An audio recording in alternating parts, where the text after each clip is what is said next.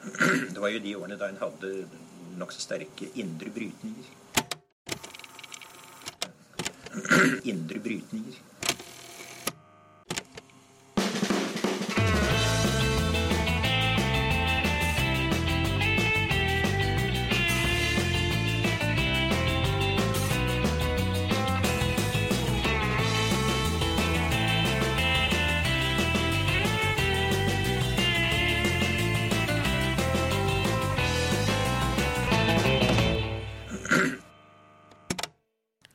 Og velkommen til Noen har snakket sammen. Mitt navn er Tiril Rustad Halvorsen. Og jeg heter Aksel Fjellavli. I dag eh, skal vi snakke om statsbudsjettet, og derfor har vi med oss Ola Magnussen Rydje, kommentator i Dagbladet. Velkommen hit. Takk for det. Eh, Du har jo eh, fulgt tett med denne uka, eh, og var også på Stortinget på mandag. Hvordan er det? Uh, jo, det er, det er hektisk. Ja. Uh, det er jo Statsbudsjettdagen er jo en spesiell dag. Altså det er, uh, Siv Jensen har vel fortalt at det er som å eh, være som å levere sitt barn over til Stortinget da hun la fram sitt første statsbudsjett. Nå har hun gjort det ganske mange ganger, da. Seks barn har hun fått. Seks barn har hun fått. En, en stor familie, usosiale budsjetter. Nei. Jo da. eh, Der var stemninga satt. Ikke sant, da stemninga satt. Nei, men, uh, men det er en spesiell dag. Eh, eh, Jeg syns jo at regjeringen kom godt ut av det i det hele tatt, hvis man skal gå rett på det. Altså de, eh, vi kan godt snakke litt mer om Venstre og sånn etterpå, Ja. eh, for de kom kanskje ikke så godt ut av det. Men overordna så var det et budsjett hvor det var, det var lite bråk. eh, Lite motstand. Altså det, var, det var ikke noe spektakulære verken kutt eller, eh, eller tildelinger. Mm. Det, var, altså, det virker som et styringsbudsjett da, for en regjering som nå skurer inn i sitt eh, sjette år, er det det? Ja. Det var vel varsla i forkant at dette skulle bli et såkalt stramt budsjett. Eh, Ja. Var det det? Ja, altså sånn de, Det er jo nøytralt da, i den forstand at oljepengebruken ikke påvirker eh, verken eh, altså veksten i økonomien, altså det stimulerer ikke. Eh, men, bremser heller ikke men, men stramt, altså i hvilken grad vi kan, kan kalle norske budsjetter stramme, så vet jeg ikke om jeg er enig i det. De, de strammer jo bitte, bitte litt inn ved å kutte inn noen glutenpenger og sånn. Men, eh, men De har vel blitt reddet av at norsk økonomi har gått be litt bedre enn ventet. Og i tillegg, så vidt jeg forstår, har de jo eh, brukt Finansdepartementet sine fremskrivninger, som er litt mer positive enn sånn SSB og Norges Bank eh, har. Ja, jeg registrerte at sånn, fagbevegelsen var litt redde for at man nå er for optimistisk. Da, at man legger opp til at det her går det mye bedre enn det det kanskje gjør. eh, Og at man dropper eh, mange mye viktig støtte som eh, industrien og sånn f.eks. ellers kunne fått. Men, eh, men eh, nei, nei. eh, nei. Alt i alt. Alt i alt. Det har jo eh, ikke vært de store reaksjonene. Det er helt Nei, det har jo ikke det. Og det, det kan du jo si er sånn Det kan være et godt eh, tegn når regjeringen går inn i en kommunevalgkamp. Eh, de skal prøve å lokke KrF med seg. At det er mange grunner til at sånn, et mye bråk rundt det budsjettet her nå hadde vært veldig uheldig. Men så kan du også si at sånn begynner det å bli litt idétomt her. Eh, det er ikke noe særlig kreative forslag til hvor vi kan spare penger. Det er veldig få liksom, kreative nyvinninger å finne. Eh, og da jeg vet ikke, begynner de å bli litt lei? Begynner det å bli veldig vanskelig? Kan tenkes. Hvordan, hvordan var stemninga på Stortinget da når du var der? Var folk uh, fornøyde i alle leirer, eller? Nei, nei, det vil jo ingen av de si. Eh, og selvfølgelig var det ikke det. Det var, eh, altså Fra opposisjonens side så kom det jo kraftigst kanskje fra, fra Miljøpartiet, eh, Rødt og SV. Eh, da fortrinnsvis motstand mot eh, store, ulike, nei, store ulikheter og økende forskjeller fra Rødt. Mm. med adelen og hva nå enn Bjørnar Moxnes kaller de. Eh, som får mer. Og så var det klima slash liksom ulikhetsmotstand som var ganske hard fra, eh, fra, fra MDG og, og SV. Og Kari Elisabeth Kaski sparka virkelig fra seg i, i finansdebatten med Siv Jensen etterpå. Men ellers var altså, stemningen var som før. Folk går rundt, og du, det er jo proppa fullt av interesseorganisasjoner som prøver å påvirke. Løper rundt med pressemeldingene sine og deler ut og prøver å spinne historien til å passe sitt narrativ. Eh, Så det er, jo, det er jo hektisk. Eh, Jeg trakk meg ned til eh, skriverommet til pressen for å levere en kommentar etter hvert, så jeg fikk ikke med meg alt. Men ja. Det, er vel litt rituelt også, en del av de tingene som skjer? Man bare Møter opp utenfor Siv Jensen sitt hus og følger henne fra Finansdepartementet til Stortinget, selv om hun aldri går der noen av de 364 dagene ellers i året. Nei, og aldri kommer til å svare på et eneste Nei, nei, spørsmål. nei, og det vet alle. Det er veldig sånn sportsjournalistikk. Sånn, ja, hva føler du nå, Siv Jensen? Og, ja, det er ikke så veldig Du får jo ikke svar på noen lekkasjer. Hvor skulle hun gjøre det? Eh, Selv om jeg så også noen eh, tulla med da, på Twitter, for det har jo vært fryktelig mye lekkasjer eh, fra det budsjettet her i forkant. Om at da klokka var fem på ti, var det vel, ti minutter før Siv Jensen skulle legge frem budsjettet, så ville nå lekkasjetelefonen være stengt for å sikre at liksom, det skulle være noen nyheter igjen å slippe da han kom på Stortinget. Da. Men ja. Husker Sigbjørn Johnsen hadde denne hatten sin som han alltid gikk med. Har Siv Jensen noe sånn der, budsjetting? Nei, som sagt, jeg var mest i det presse, okay. nede i presserommet, så jeg fikk ikke med meg om hun hadde noe. Men, eh, men overordna så kan man jo altså, rose Siv Jensen for uh, måten sånn hun håndterer de statsbudsjettdagene på. Altså Hun kommer på Stortinget, er ekstremt godt forberedt. Uh, både retorisk og faglig. Uh, hun prater jo nå også mye som en sosialdemokrat, da, eh, som resten av regjeringen også gjør. Så kan det være liksom Det demper jo litt de store kontrastene mellom hva regjeringen sier og hva opposisjonen sier. Eh, Men jevnt over syns jeg sånn nesten alle år hun har lagt frem det budsjettet, at det har vært ganske vanskelig for opposisjonen å bryne seg på.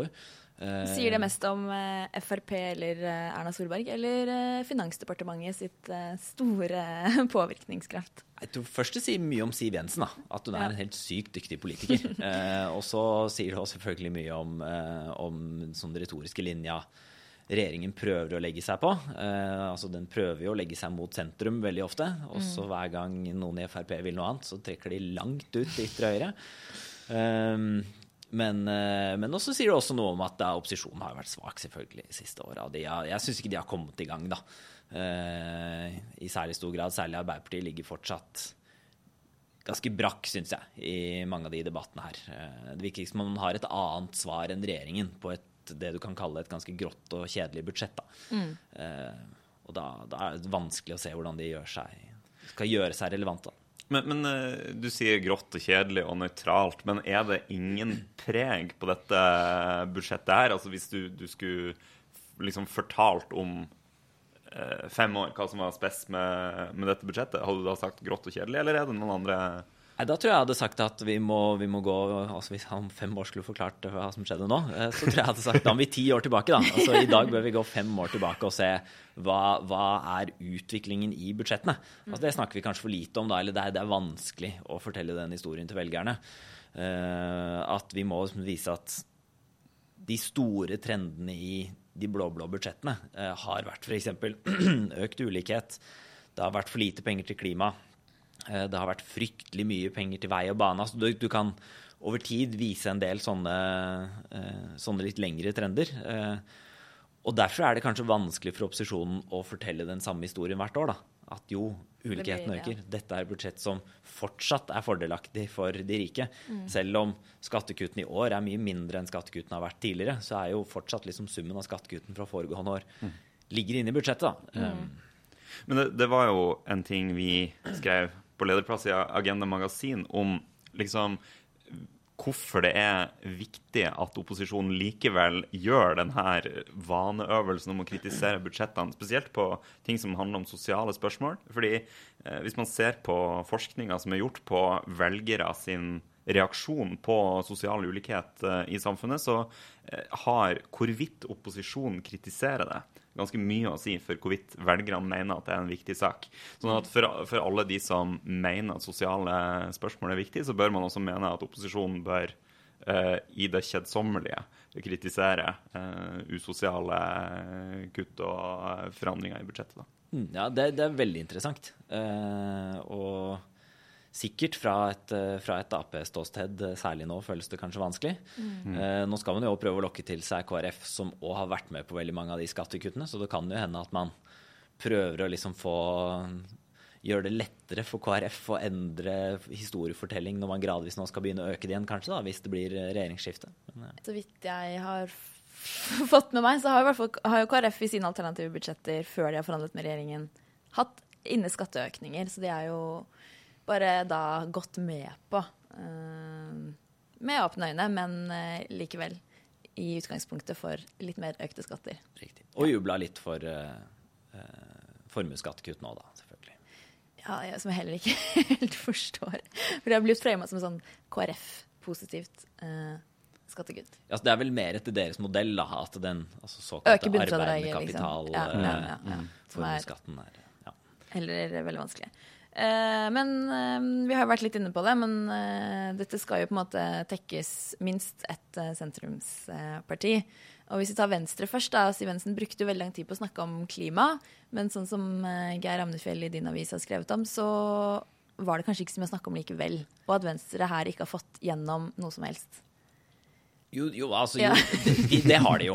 Eh, åpenbart. Jeg tror bare budsjettet kom på en fryktelig dårlig dag for Venstre. Altså, det kom samme dag som FNs klimapanel la frem en rapport som viser at det går rett til helvete. Ja.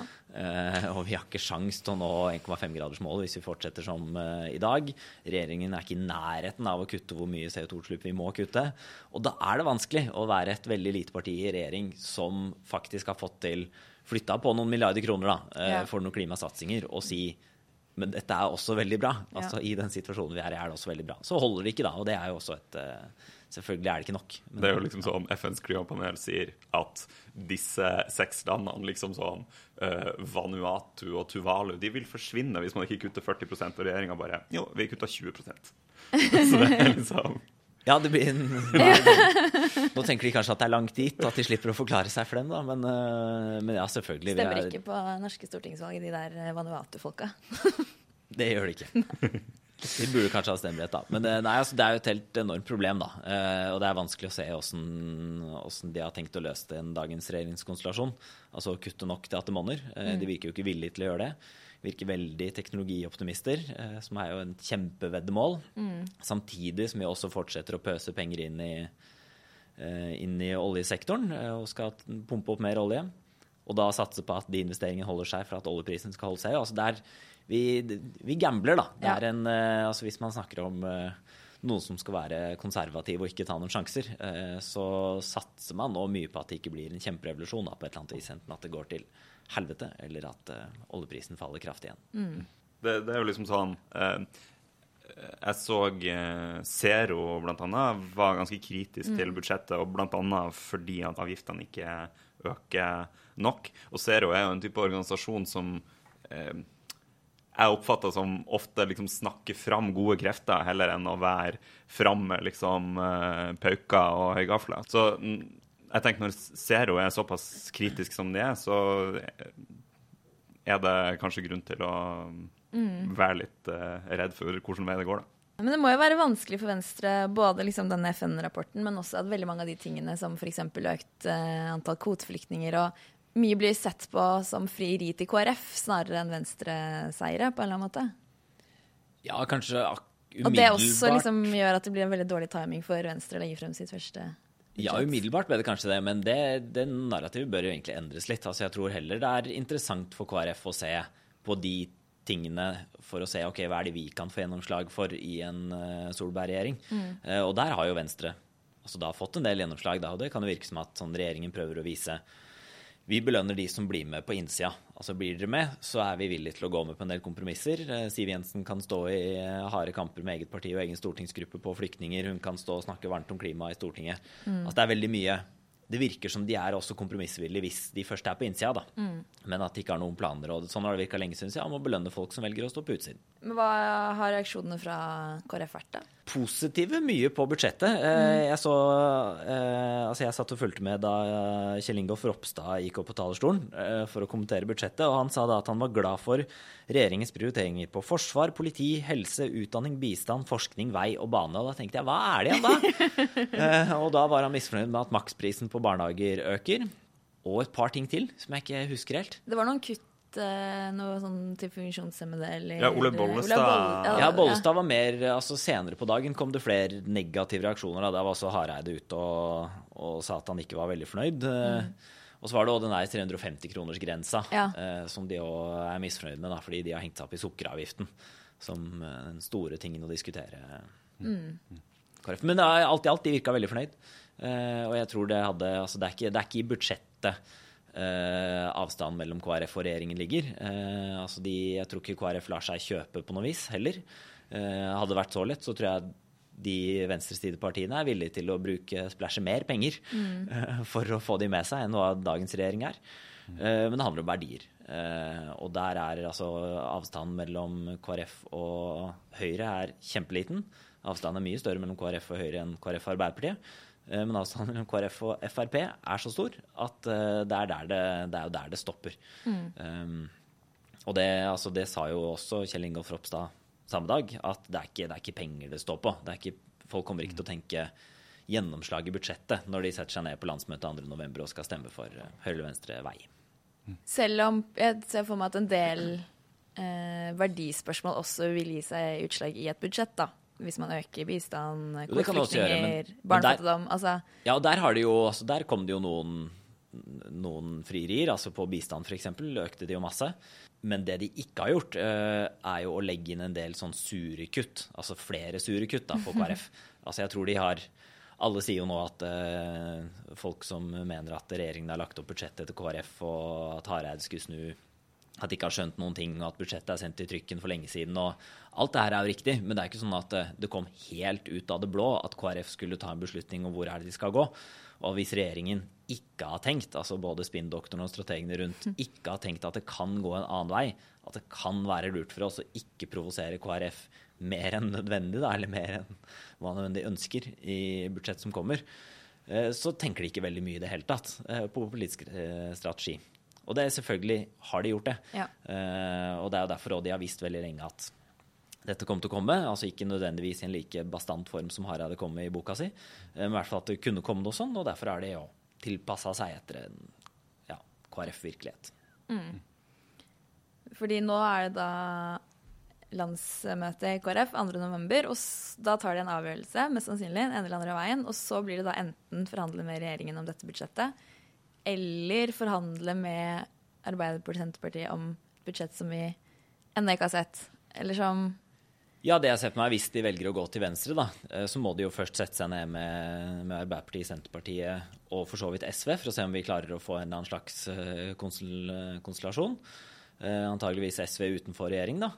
Og så må de jo bli enige om, om, om plattform, og så blir de jo enige om budsjett gjennom den prosessen, tenker jeg. Og så vil de jo si innkalt til en pressekonferanse, nå har vi en enighet. Eh, vi kommer til ikke til å støtte regjeringsbudsjettet, og her har vi kommet frem til at vi skal prøve å danne regjering. Enten må Solberg da finne en eller annen sak hun stiller kabinettsspørsmål på, eller så kan hun be om å få redegjøre for Stortinget og si at nå har ikke jeg parlamentarisk grunnlag for å sitte lenger, jeg går av.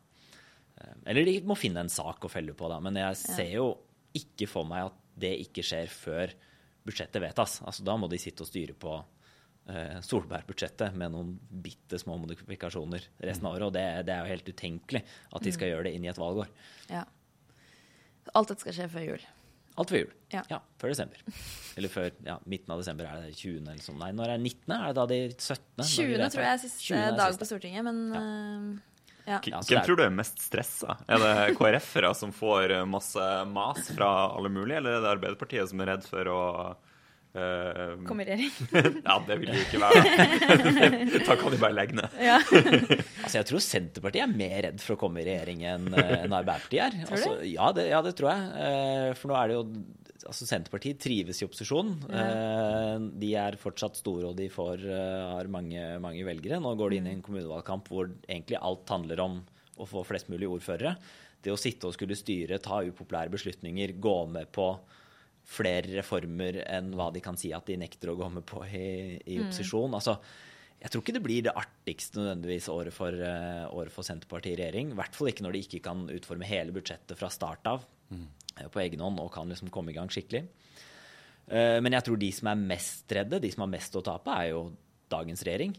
Uh, Og det er fryktelig høye skuldre eh, blant de, og de mange sånn prater og oppfører seg som om de står nå malt inn i et hjørne mm. og prøver å skyte seg ut. De er veldig liksom såre og vare på nyanser og småting. og Det er sjelden jeg får e-post fra folk i regjeringsapparatet som påpeker sånne småting i kommentarene mine, men nå er de, liksom, nå er de på alt. Okay. Um, Men er de overrasket over Eller Nei, jeg, jeg vet ikke. Altså det, jeg tror en sånn 'nå er jeg overraska' eller 'dette vi hadde forventa' narrativ ikke er så interessant heller. Altså det de prøver å gjøre nå, er jo bare å, å male et bilde hvor uh, virkeligheten er sånn at KrF bare kan Ja. gå med på samarbeid med Høyre, og helst glemme at Frp også er med på det. Uh, og, og, sånn sett så er det sånn, Jeg syns jo alle høyrefrieriene til KrF er, det er de stort sett helt legitime. Altså det er, uh, KrF passer godt sammen med høyrefolk uh, når det gjelder å prate om ting. Um, men så skal jo også det sitte ja, andre i rommet. Siv Ja. Jensen og Bård Hoksrud. Ja, så må vi jo snakke litt om skatt. Eh, i, dette budsjettet så ligger det jo eh, kutt i formuesskatten. Eh, Heving av bunnfradraget. Ja, vi kan kalle det et kutt, fordi Ja. det er et kutt. Eh, og så kutta man i selskapsskatten. Eh, og så eh, begrensa man kommunene sine muligheter til å ta inn eh, eiendomsskatt. Eh, hva skal man tenke om dette? De, de kutter i hvert fall, eh, for de har jo vært et skatteforlik på Stortinget hvor de ble enige om at eh, selskapsskatten skulle ned, og inntektsskatten da, samtidig med den. Ned fra eh, 28 til 23% og i fjoråret så var de nede på 23 og nå tar de da et skritt videre ned til 22. Som både Jonas Gahr Støre og en del i fagbevegelsen har vært ganske kritiske til. Og det er jo litt rart i og med at eh, man var, man, man, man var med helt ned til 23, og så ikke ned til 22. Ja, nei, det, jeg synes det, er, det er litt overraskende. Eh, Det går godt i økonomien. Man har ikke noe behov for å, å, å kutte skattene for å stimulere til vekst. Eh, Man vet at det er mye vanskeligere å sette opp altså Det straffer seg mye mer å sette opp skatten enn det er eh, gevinst av å sette de ned. Eh, Så det er sånn det å Det vil bli krevende å komme opp på et høyere skattenivå ved en senere anledning når vi ikke har like store oljeinntekter og vi faktisk må skatte mer for å finansiere velferden. Da. At det er ikke bare folk i arbeid, flere folk i arbeid som kommer til å sikre bærekraften. Det er også en del skatt også. Eh, så jeg synes det, det er kortsiktig, da, eh, kan man si, tankegang fra regjeringen å skulle kutte enda mer nå. Mm.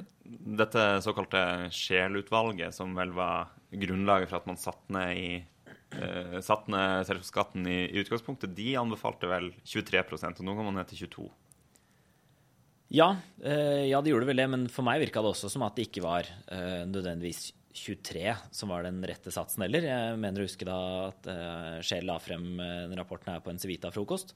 Eh, så sa de også at det var ikke noe sånn faglig grunnlag for at det måtte være 23. Eh, det kunne vært 24, det kunne vært 25, det kunne, altså så lenge den gikk ned, da. Det var liksom poenget. Så at man nå velger å kneppe ned enda et prosent, det, ja, jeg skjønner det ikke. Så hvis ikke det har noe å si hvilken sats den er på, så har den kanskje ikke så mye effekt heller, da. Altså en god symboleffekt, da, for den regjeringen.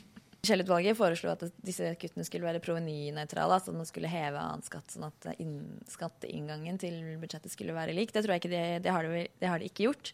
Eh, men i dette budsjettet så har de visst gjort noen endringer på pensjon og forsikringsselskapers skattlegging, sånn at det liksom kompenserer for de 2,7 milliardene kuttene i selskapsskatten. Jeg skulle, okay. jeg skulle ønske jeg kunne liksom svare deg godt, og faglig på det spørsmålet, men jeg har vært sånn, jeg har skrevet eh, altså Jeg tror de siste fem kommentarene mine handla om KrF. eh, Og jeg drømmer om KrF hver natt. altså Jeg har nesten sånn mareritt om eh, Helt siden jeg leste Knut Arild Hareids bok, så våkner jeg at det er sånn Å, KrF!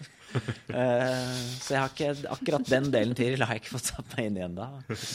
Det er helt greit, Ole. Uh, en annen ting som er sånn artig med når det kommer budsjetter, er jo alle disse Dette betyr uh, budsjettet for din lommebok, eller for deg, eller om du er ung eller pensjonist, eller hva det er.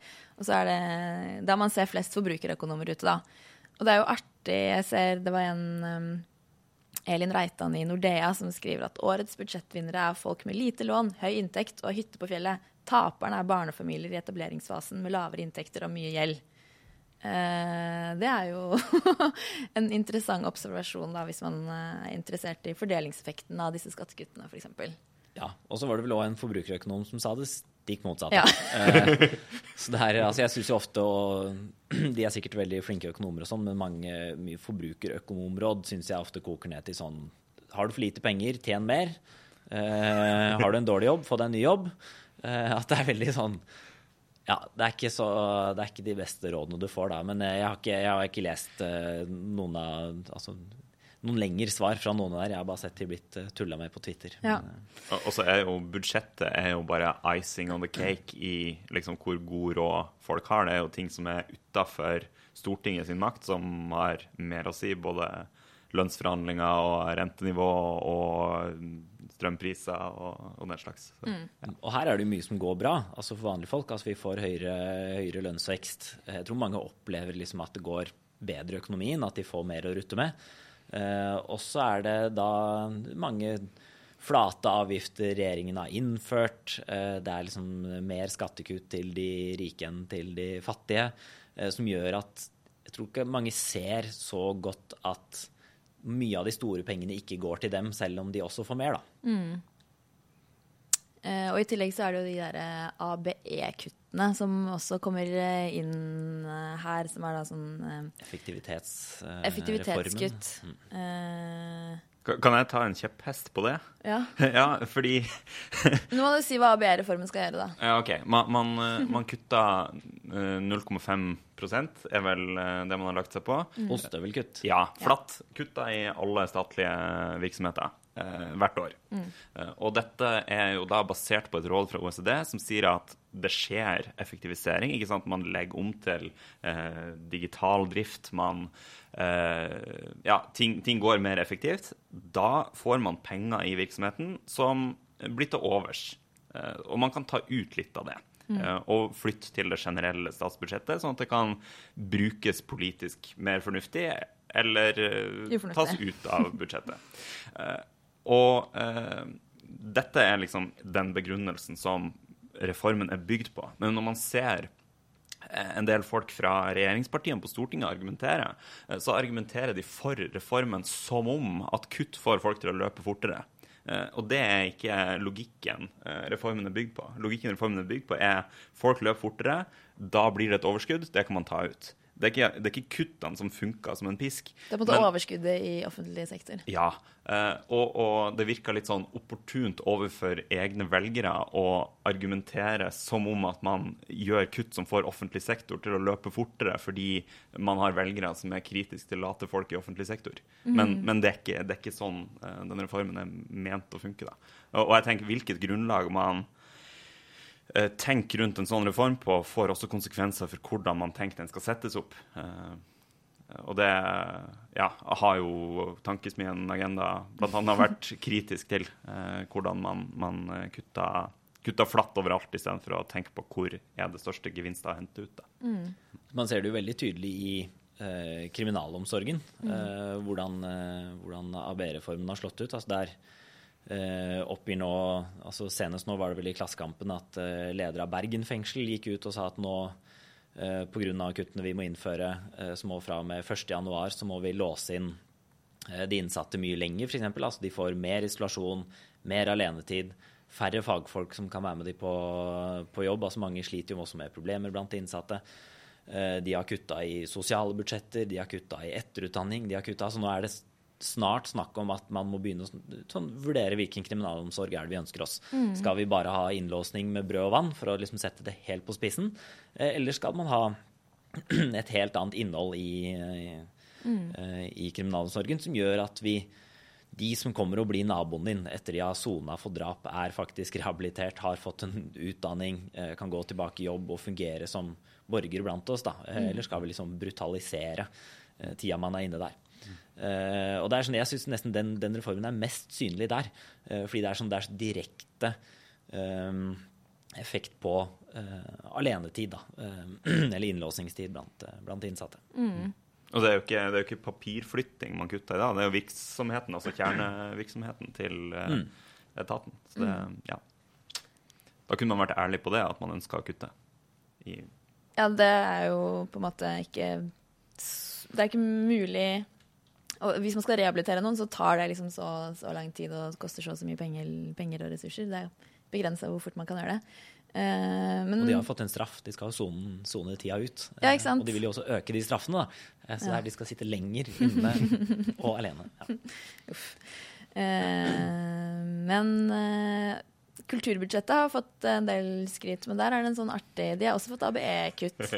ja, eh, altså det er jo både Hobbelstad i Dagbladet og Sara Sørheim i, i Aftenposten var jo superpositive til kulturbudsjettet og sier her har Trine Skei Grande virkelig eh, fått til eh, bra ting. Jeg har ikke satt meg inn så nøye i det, så jeg, jeg bare stoler på at de har peiling. Det bruker de å ha.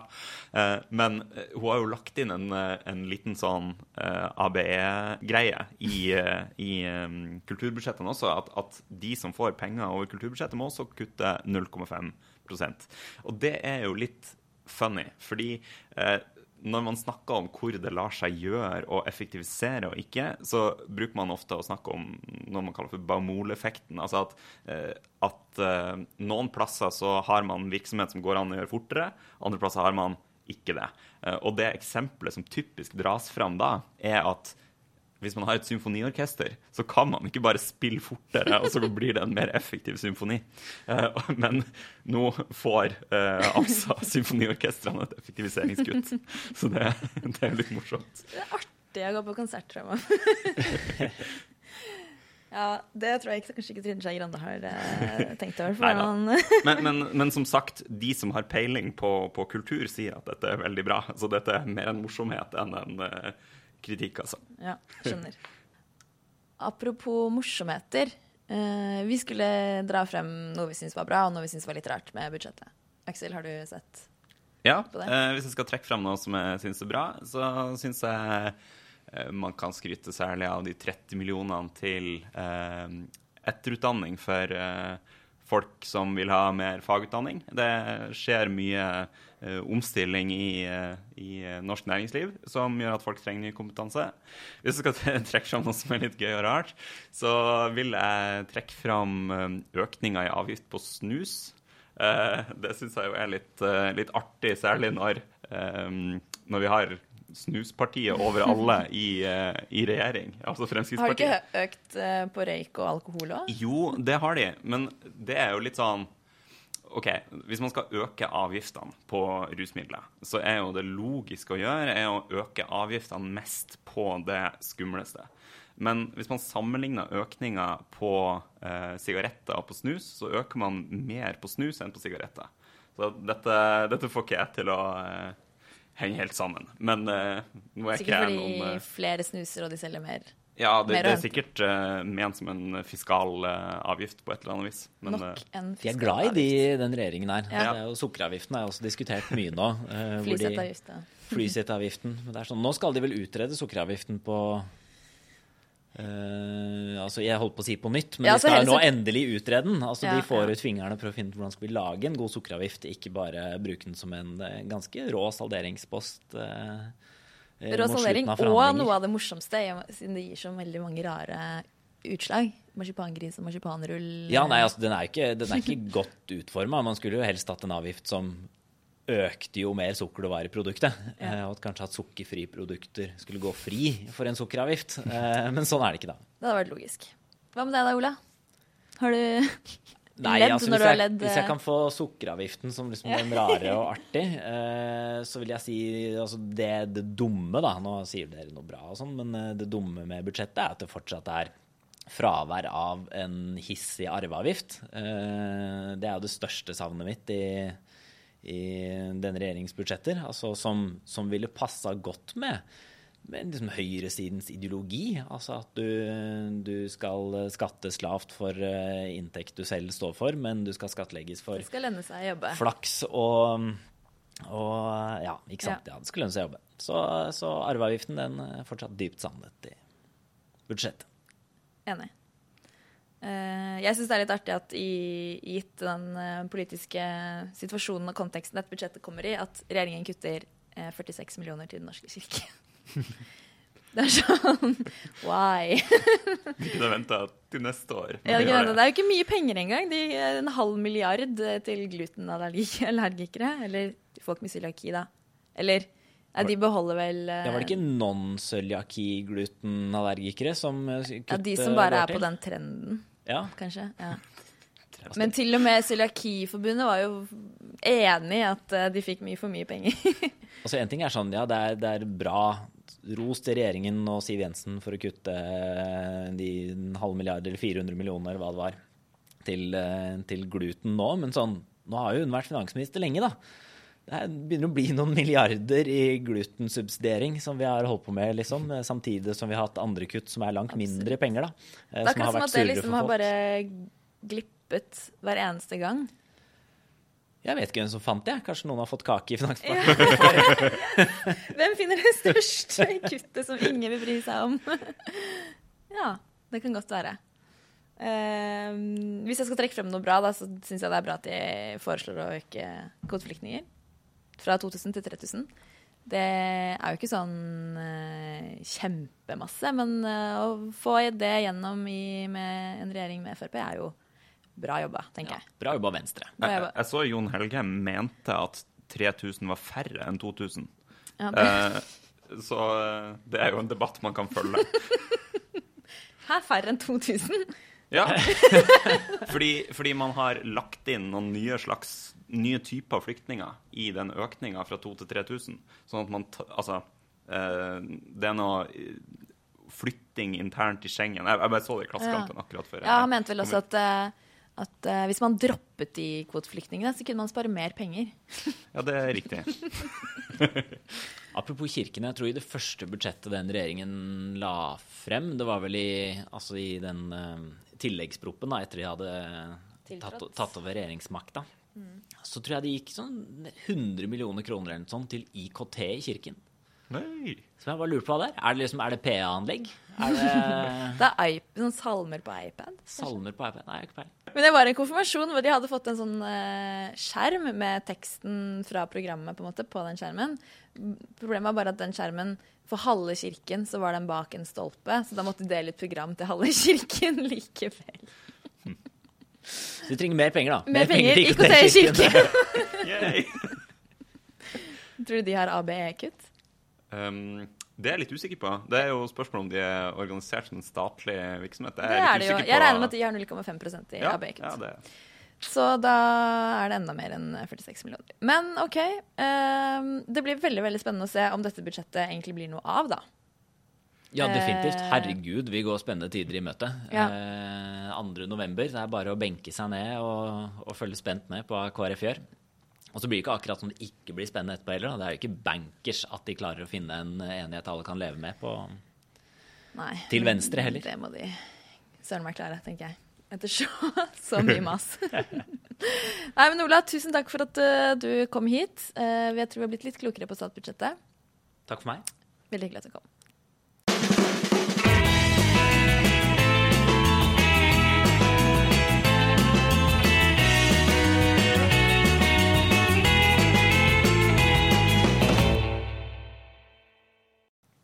OK, det var da foreløpig årets eh, budsjett, eller neste års budsjett, da blir det vel egentlig. Det blir vel mer bråk om budsjett, eh, Ja, jeg tror ikke det er det siste vi har hørt. eh, Eller det vet jeg at det ikke er. Men stort og komplisert er det i hvert fall. Hmm. Uansett. Eh, har du noe å selge denne uka, Aksel? Ja, det er jo mye, mye prat om KrF med, med god grunn, og en god del sånn målinger rundt omkring av hva, hva mener KrF-folk egentlig. Og det, det man da lurer på sånn egentlig innerst inne, er jo hva kommer folk til å stemme på landsmøtet. Eh, og man trenger ikke å gjennomføre masse meningsmålinger for å finne ut av det. Eh, VG har laga en liten oversikt over eh, de eh, som skal på, på landsmøtet, og hva de eh, ligger an til å stemme. Så hvis man er interessert i å følge med på det, og det antar jeg man er, så kan man eh, søke på eh, følgende Disse 190 skal avgjøre KrFs skjebnevalg. Og da får man opp en sånn eh, eh, elegant designa greie fra VG, som nå sier at det er 27-19 i fa favør eh, Ap, Sp, KrF-regjering. Team Knut Arild Hareide. Ja, rett og slett. Men det er da 96 stemmer som kreves for å få flertall, sånn at eh, det er veldig mye som kan skje. Det er mye igjen. Så der fyller de inn fortløpende da, når de har fått snakka med de Ja, aktuelle folka, eller hva de driver med. konseptet, ja. Interessant. Mm. Enn du? Eh, nei, neste, neste uke så skal jeg på boklansering. Eh, boklanseringen til Tor Steinhovden, min kollegas nye bok. Um, eller ja, nye og første bok. Uh, 'Det amerikanske marerittet. Hvordan USA ble et splittet land', heter den. Uh, og det handler da om tar liksom for seg historien om hvordan man har uh, ja, endt opp der man er i dag, da, med utrolig sterk polarisering og Trump. Og da, 18. oktober, så er det lansering på Kulturhuset.